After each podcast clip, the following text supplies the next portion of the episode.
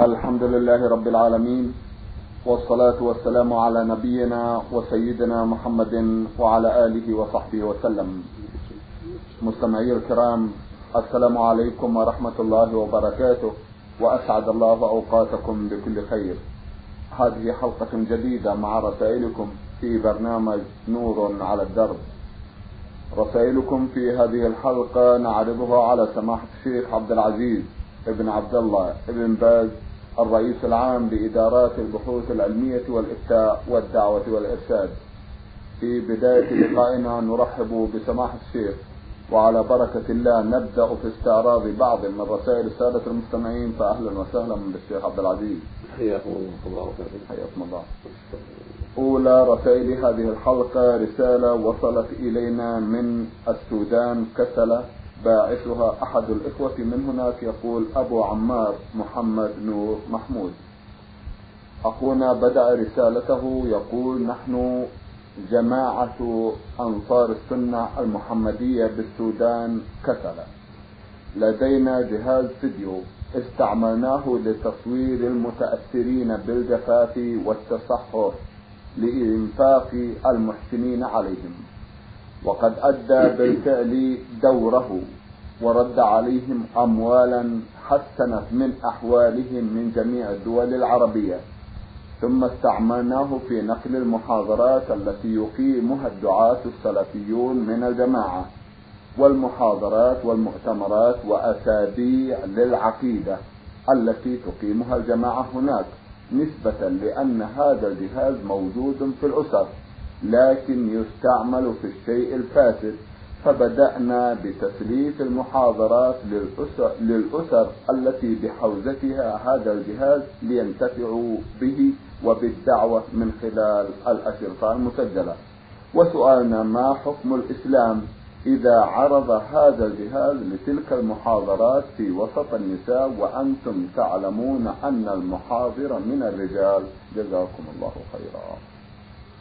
بسم الله الرحمن الرحيم. الحمد لله وصلى الله وسلم على رسول الله وعلى آله وأصحابه ومن اهتدى بهداه. أما بعد فلا شك أن تسجيل المحاضرات والندوات العلمية من طريق الأشرطة فيه فائدة كثيرة ونفع كبير للناس لأنهم يسمعون الصوت الذي يعرفون صاحبه فينتفعون بذلك أكثر من مجرد الشيء المكتوب. لكن ما يتعلق بالأفلام لأنها تجتمع على الصور. ينبغي عدم استعمال ذلك لعدم الحاجة إليه. فالشريط الذي يحفظ الصوت يحصل به الكفاية والحمد لله. وأما تصوير النساء في الأفلام فمضرته كثيرة خطره عظيم فلا يجوز ذلك. وإنما يستعمل الشريط المعروف الذي يحفظ الصوت من دون صورة لأنه يحصل به المقصود والحمد لله. بارك الله فيكم. يستعينون بهذا التصوير سماحة الشيخ على إيضاح الأحوال التي وصل إليها حال بعض الناس من المجاعة وقلة الأمطار. هذا انتهى. هذا ذكروا أنه انتهى والحمد لله. نعم. فلا حاجة إلى بقائه بعد ذلك. نعم. لكن فيما إذا وجد في مناطق أخرى نرجو أن لا يكون هناك بأس. نعم. ولكن ليس بضرورة. لأن وصف أحوال المتضررين بالكلام يكفي. نعم. فليس هناك ضرورة فيما أعتقد التصوير وإنما الكلام عنهم وبيان حاجاتهم وأنهم أصابهم كذا وأصابهم كذا كاف إن شاء الله. لأن الوعيد في التصوير شأنه عظيم خطير. الرسول صلى الله عليه وسلم شدد في التصوير فلا يصار إليه إلا للضرورة القصوى. نعم. والنبي عليه الصلاة والسلام قال لعن الله الرسول لعن آكل الربا وموكله ولعن الواشمة والمستوشمة ولعن المصور. وقال أشد الناس عذابا يوم القيامة المصورون. هكذا قال عليه الصلاة والسلام. وقال أيضا عليه الصلاة والسلام كل مصور في النار. وجعل في كل صورة صور نفس يعذب فيها جهنم. هذه تدل على شدة الوعيد وأن هذا من أعظم الكبائر. نعم. فلا يجوز أن يصار إليه إلا لضرورة لا حيلة فيها. نعم. بارك الله فيكم. إذا والحالة هذه التصوير بالكلمة يغني. يكفي. نعم جزاكم الله خيرا. أخت لنا من السودان أيضا تسأل وتقول ما حكم تخفيف الحواجب بالنسبة للنساء؟ تخفيف الحواجب لا يجوز. الرسول صلى الله عليه وسلم لعن النامصة والمتنمصة فلا يجوز المؤمن أن يسمح لزوجته أو أخته أو بنته بذلك وهي في نفسها ليس لها أن تخالف أمر الله وأن تتعدى حدوده. بل يجب على المرأة أن تكف عما نهى الله عنه ومن ذلك النمص فإنه من الكبائر. فإن الرسول لعن من فعل ذلك واللعن يقتضي أنه كبيرة من كبائر الذنوب. سواء كان النمص بالمنقاش أو بأي آلة لأخذ شعار الحاجبين. نعم. الرسالة التالية رسالة وصلت إلى البرنامج من العراق الموصل وباعثتها إحدى الأخوات من هناك تقول نهلة قاسم أحمد. الرسالة مطولة في الواقع سماحة الشيخ ملخصها أن والدتها مصابة بقرحة المعدة ونصحها الطبيب بعدم الصيام إلا بعد سنتين أو ثلاث سنوات. ثم بعد ذلك تبدأ تصوم من كل أسبوع يومين فقط. وهكذا حتى تتحسن حالتها وتسأل عن الحكم سماحة الشيخ المريض شرع الله له الإفطار. قال تعالى ومن كان مريضا أو على سفر فعدة من أيام أخرى.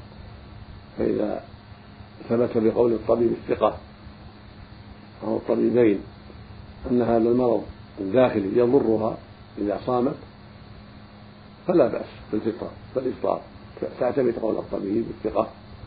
وإذا احتاطت بطبيبين يكون أكمل وأطيب فإذا قرر أن هذا أن الصوم يضرها بالنسبة إلى قرحة أو مرض آخر فإنها تفطر هذا هو الأفضل لها. ثم تقضي بعد ذلك قضاء لا يضرها. نعم. أما الأخت فها عين فتسأل سماحة الشيخ عما يقوله الساجد سجود التلاوة. يقول مثل سجود الصلاة سواء بسواء سبحان ربي هذا سبحان ربي هذا. اللهم لك اسجدت وبك آمنت ولك أسلمت سجد وجه الذي خلقه وصوره وشق سمعه وبصره بحوله وقوته تبارك الله احسن الخالقين. سبحانك اللهم ربنا وبحمدك اللهم اغفر لي. ويدعو في سجوده كما يفعل في سجود الصلاة سواء بسواء. نعم. إحدى الأخوات المستمعات بعثت برسالة إلى البرنامج تقول فيه مستمعة إلى البرنامج هذا هو ما رمزت به لاسمها ثم تقول في رسالتها أنا طالبة في كلية الفنون الجميلة في السنة الثالثة ودراستي في الكلية تحتاج إلى رسم الأشخاص وقد علمت أن دراستي في هذه الكلية حرام بسبب الرسم والاختلاط وذلك بعد أن التزمت بالزي الشرعي وبناء على ذلك تركت الكلية ولكن لم أخبر أهلي بذلك لأنهم سوف يعارضون وأذهب في ميعاد الكلية إلى إحدى الأخوات لنقرأ ونتعلم علم الفريضة في أمور ديننا. وسؤالي هل يجوز لي الكذب على أهلي في هذه الحالة أم هو إثم فعله؟ مع العلم بأن الكلية تمنعنا من لبس النقاب. أرجو الإفاضة في هذا الموضوع لأنه يقلقني جزاكم الله خيرا. قد أحسنت فيما فعلت. ما دامت الكلية على ما ذكرت من الاختلاط وتصوير الأشخاص فقد أحسنت في تركها والإجتماع بالأخوات في الله لتعلم الدين والتفقه في الدين. وقراءة القرآن والأحاديث النبوية عن رسول الله عليه الصلاة والسلام وقراءة كلام أهل العلم الموثوق بهم من أهل السنة والجماعة كل هذا طيب. ولا حرج في الكذب على أهلك حتى لا يلزموك بكلية. وأنت في هذا بخير وعلى خير. والكذب إذا كان في مثل هذا لا يترتب عليه ضرر وإنما يحصل به إصلاح فلا بأس. يقول النبي صلى الله عليه وسلم ليس الكذاب الذي يقول خيرا وينمي خيرا. اللفظ الآخر ليس الكذاب الذي يصلح بين الناس فيقول خيرا وينمي خيرا. الحاصل أن إذا كان الأمر كما قلت فلا حرج عليك في ذلك بل أنت محسنة ولك أجر كبير ونسأل الله لك التوفيق للحق والثبات عليه. اللهم آمين. سيكتشف الأهل ذلك بما تنصحونها إذا حدث ذلك في خطر ان اكتشفوا نعم. فعليك بالبيان الوافي وأن هذا شيء يلزمك من جهة الدين. وأنه لا طاعة المخلوق في نصر الخالق. يقول, يقول النبي صلى الله عليه وسلم إنما الطاعة في المعروف ويقول صلى الله عليه وسلم لا طاعة المخلوق في نصر الخالق. فليس للإبن ولا للبنت أن يطيع الأم أو الوالد أو الأب في معصية وإنما الطاعة في المعروف ولا ريب أن التصوير حرام وأن عدم الحجاب حرام عن الرجال الأجانب. نعم. والذهاب إلى الكلية يفضي إلى هذا وهذا. نعم. سؤالها الثاني تقول زوج خالتي تارك للصلاة رغم أنه حج إلى بيت الله وقد ذكرت له خالتي ما سمعته من البرنامج من حكم تارك الصلاة تهاونا من أنه يكون كافرا كفرا يخرج من الملة ولكنه ظل تارك تاركا للصلاة. وهي سكتت عن ذلك فهل معاشرته لها حرام عليها؟ وهل تاركة الصلاة من النساء يجوز كشف الوجه أمامها باعتبار أنها كافرة بتركها للصلاة وخرجت عن ملة الإسلام؟ أفيدونا عن هذه القضايا وفقكم الله. لا شك أن الذي يترك الصلاة كافر وإن لم يجحد وجوبها. في أصح قولي العلماء.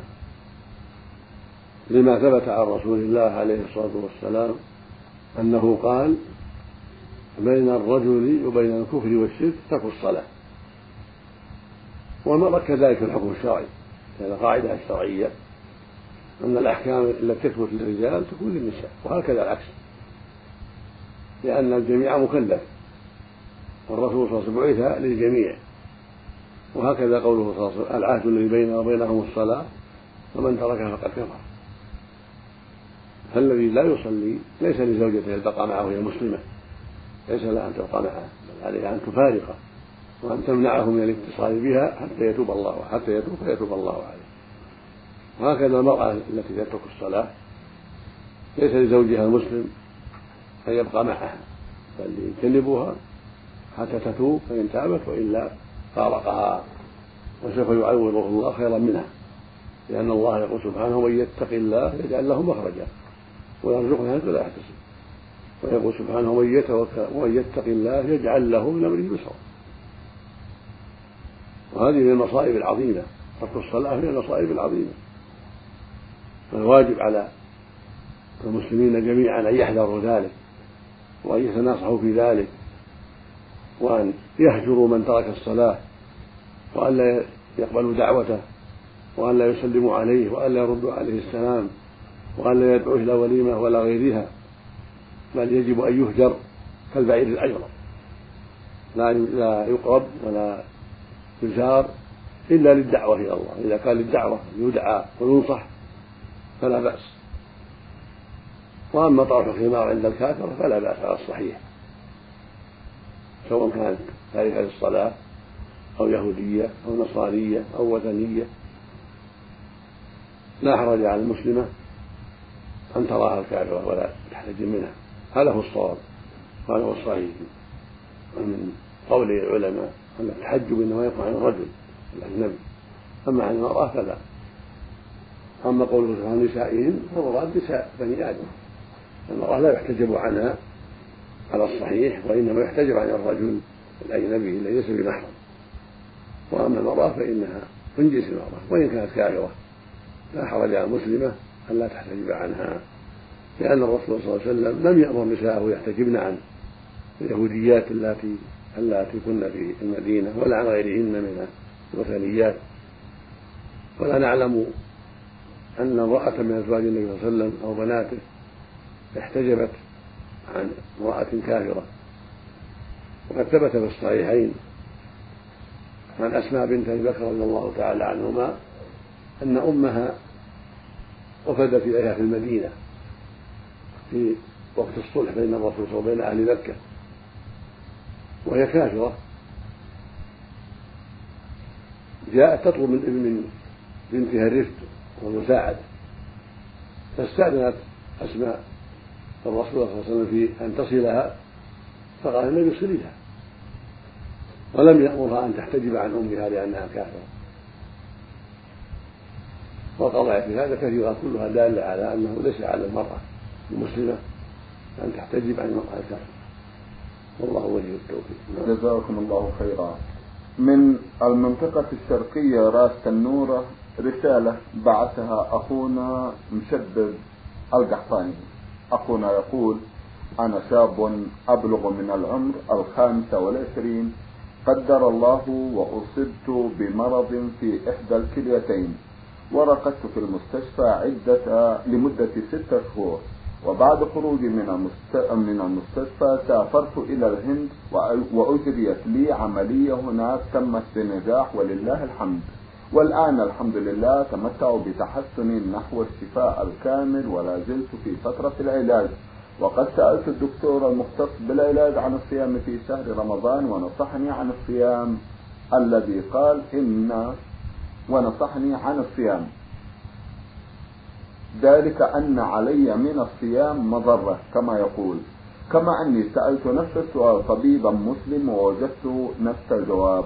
والآن أسأل سماحة الشيخ كيف أتصرف؟ وإذا كان يصح التكثير من مال أو إطعام كيف يتم إخراجه؟ هل يتم دفعة واحدة؟ أو في كل يوم؟ أفيدوني جزاكم الله خيرا. لا حرج عليك في ترك الصيام لما ذكره لك الطبيبان حتى يشفيك الله. فإن سمح لك الأطباء بالصيام فالحمد لله.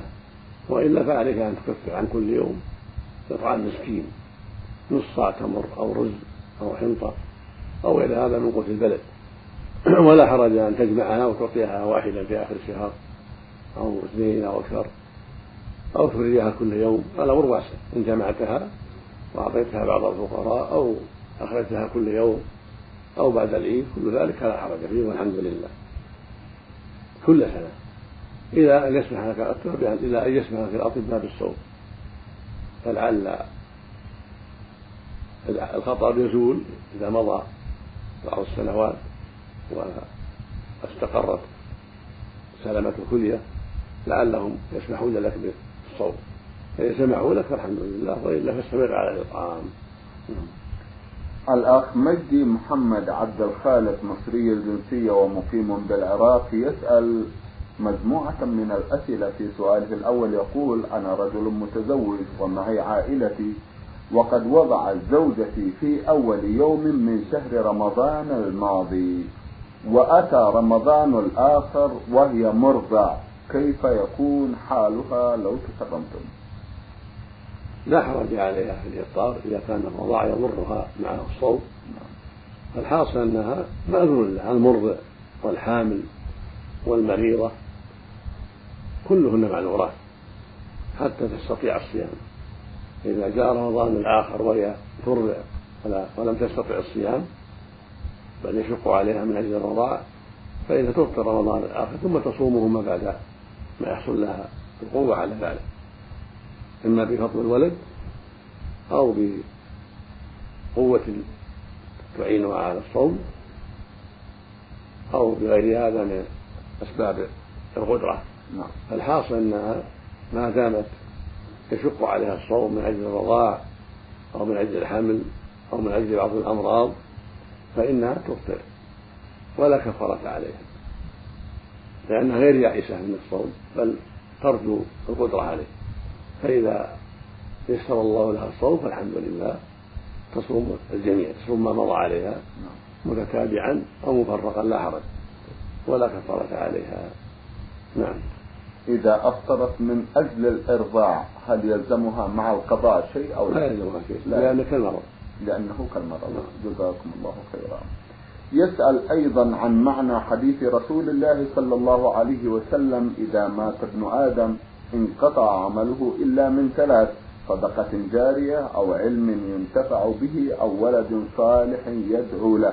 وسمعت من البرنامج أن ثواب قراءة القرآن لا يصل إلى الميت وأن ما يفعله الناس من قراءة القرآن وغيره كل هذا بدع. فكيف يدعو الولد الصالح لأبيه؟ وما هو المقصود بهذا الدعاء؟ الحديث هذا ظاهر وحديث صحيح رواه مسلم في صحيحه. إذا مات ابن آدم انقطع عمله إلا من ثلاث صدقة جارية أو علم ينتفع به أو ولد صالح يدعو له. والدعاء يقول اللهم اغفر لأبي اللهم ارحمه اللهم أدخله الجنة اللهم ضاع حسناته اللهم كفر سيئاته اللهم ارفع درجته المهديين وما أشبه هذا من الدعوات الطيبة. هذا الدعاء. أما قراءة القرآن كن يقرأ ويكون هذا في خلاف بين أهل العلم. نعم. من العلماء من قال إنه يلحق الميت وأن ينتفع بذلك وبهذا قال جم غفير من العلماء وقاسوا على الصدقة. وقال آخرون لا لأن العبادات توقيفية. لا يسمح فيها إلا بما جاء به الشرع نصا. ولم يرد في السنة عن النبي صلى الله عليه وسلم ولا في الكتاب العزيز. ما يدل على شرعية تفويض القرآن أو الصلاة أو الصوم لمن ليس عليه صوم واجب. فلما لم يأتي هذا وجب تركه لأن المؤمن إنما يفعل ما أمر به وشرع له والنبي صلى الله عليه وسلم يقول من عمل عملا ليس عليه أمرنا فهو رد فهو مردود. ويقول عليه الصلاة والسلام من أحدث في أمرنا هذا ما ليس منه فهو رد. هذا وجه على القول الذي قاله جمع من أهل العلم وهو أظهر في الدليل وأقرب إلى الدليل وفيما شرع الله كفاية من الصدقة والدعاء والحج عن الميت وأداء وأداء الصيام الواجب عن إذا مات عليه صيام من رمضان أو كفارة أو نذر يؤدى عنه يؤدي عنه أقاربه. أما صوم يتطوعون به عنه أو صلاة أو قراءة قرآن فهذا لم يرد فيه دليل يدل عليه. فوجب ترك ذلك وقوفا مع النصوص. نعم. نعم. نعم. جزاكم الله خيرا. هل يجوز للمرأة أن تتصدق على أبويها عند موتهما من مال زوجها؟ إذا سمح بذلك وإلا فليس لها ذلك لكن تصدق من مالها. نعم. من مالها تصدق على الفقراء والمساكين في أي وقت. أما من مال الزوج فلا بد من إذنه. نعم. هل يجوز استعمال الإبر المقوية للصائم في رمضان؟ لا حرج في ذلك على الصحيح لا حرج في ذلك. المقوية والمسكنة للآلام كل هذا لا بأس به. لأن الممنوع الممنوع الإبر الإبر المغذية. الحقن التي تغذي هذه تفطر الصائم لكن إذا اضطر إليها واحتاج إليها يعطى إليها ويفطر حكم حكم مرة نعم. أما إبر للتقوية أو تسكين الألم أو أخذ حين من الدم نعم. أو ما أشبه ذلك لا تفطر على الصحيح. نعم. بارك الله فيكم. بالنسبة لليلة السابع والعشرين من رجب من كل عام وليلة النصف من شعبان تعود المسلمون الاحتفال بهما وعمل الأكلات الدسمة وما أشبه ذلك فما رأيكم في هذا؟ هاتان بدعتان. الاحتفال بنصف شعبان والاحتفال بما السابع من رجب. كلتاهما بدعة. ليس على عليهما دليل. ولم يثبت عنه صلى الله عليه وسلم أن الليلة السابعة والعشرين من رجب هي ليلة الإسراء والمعراج. وما جاء فيها من بعض الأحاديث هو غير صحيح عند أهل العلم. ولو ثبت أنها ليلة المعراج لم يجوز الاحتفال بها حتى لو ثبتت. لأن الرسول صلى الله عليه وسلم يحتفل بها. ولا أصحابه وهم القدوة نعم. والله يقول لقد لكم في رسول الله أسوة حسنة. يعني في الفعل وفي الترك فلما ترك نترك. وإذا فعل فعلنا عليه الصلاة والسلام. فالاحتفال بليلة النصف من شعبان أو بليلة 27 من رجب لأنها ليلة الإسراء والمعراج أو بالمولد النبوي في 12 ربيع الأول أو بالموالد الأخرى للبدوي أو للحسين أو لعبد القادر الجيلاني أو لفلان أو فلان كله لا يجوز. وكله تشبه بالنصارى واليهود في أعيادهم. ونهى الرسول صلى الله عليه وسلم التشبه بهم. ومن تشبه بقوم منهم. فلا يليق بالمسلمين أن يتشبهوا بأعداء الله في هذه الأمور ولا في غيرها. ولو كان الاحتفال بليلة النصف من شعبان أمرا مشروعا لا بادر إليه سيد ولد آدم وأفضل خلق الله وخاتم رسل الله عليه الصلاة والسلام ولا شرعه لأمته وعلمهم إياه لأنه أنصح الناس وهو الناصح الأمين عليه الصلاة والسلام. ما ترك من خير إلا دل عليه وما ترك من شر إلا نبه عليه وحذر منه. كما ثبت في الصحيح عن عبد الله بن عمر رضي الله عنهما عن النبي صلى الله عليه وسلم أنه قال ما بعث الله من نبي إلا كان حقا عليه أن يدل أمته على خير ما يعلمونه وينذرهم شر ما يعلمونه. ونبينا أكملهم وأفضلهم وخاتمهم ليس بعده نبي. فهو أولى بهذا الوصف. فما ترك من خير إلا دلنا عليه وما ترك من شر إلا حذرنا منه. فلو كان الاحتفال بليلة نصف من شعبان أو بالمولد النبوي أو بليلة سبع من رجب أمرا مشروعا لبادر إليه لبادر إليه عليه الصلاة والسلام قولا وفعلا ولعلمه أمته عليه الصلاة والسلام ولو فعل لنقله الصحابة رضي الله عنهم فإنهم الأمناء. هم خير الناس بعد الأنبياء وأفضل الناس بعد الأنبياء. وهم الذين نقلوا لنا القرآن ونقلوا لنا السنة الصحيحة عنه عليه الصلاة والسلام. فهم الأئمة والقدوة بعد رسول الله عليه الصلاة والسلام. فلا يجوز أن نخالفهم ونحدث شيئا لم يفعلوه من القربات والطاعات. ثم التابعون لهم بإحسان لم يفعلوا ذلك. لو كان الصحابة فعلوا لفعله التابعون ثم أتباع التابعين.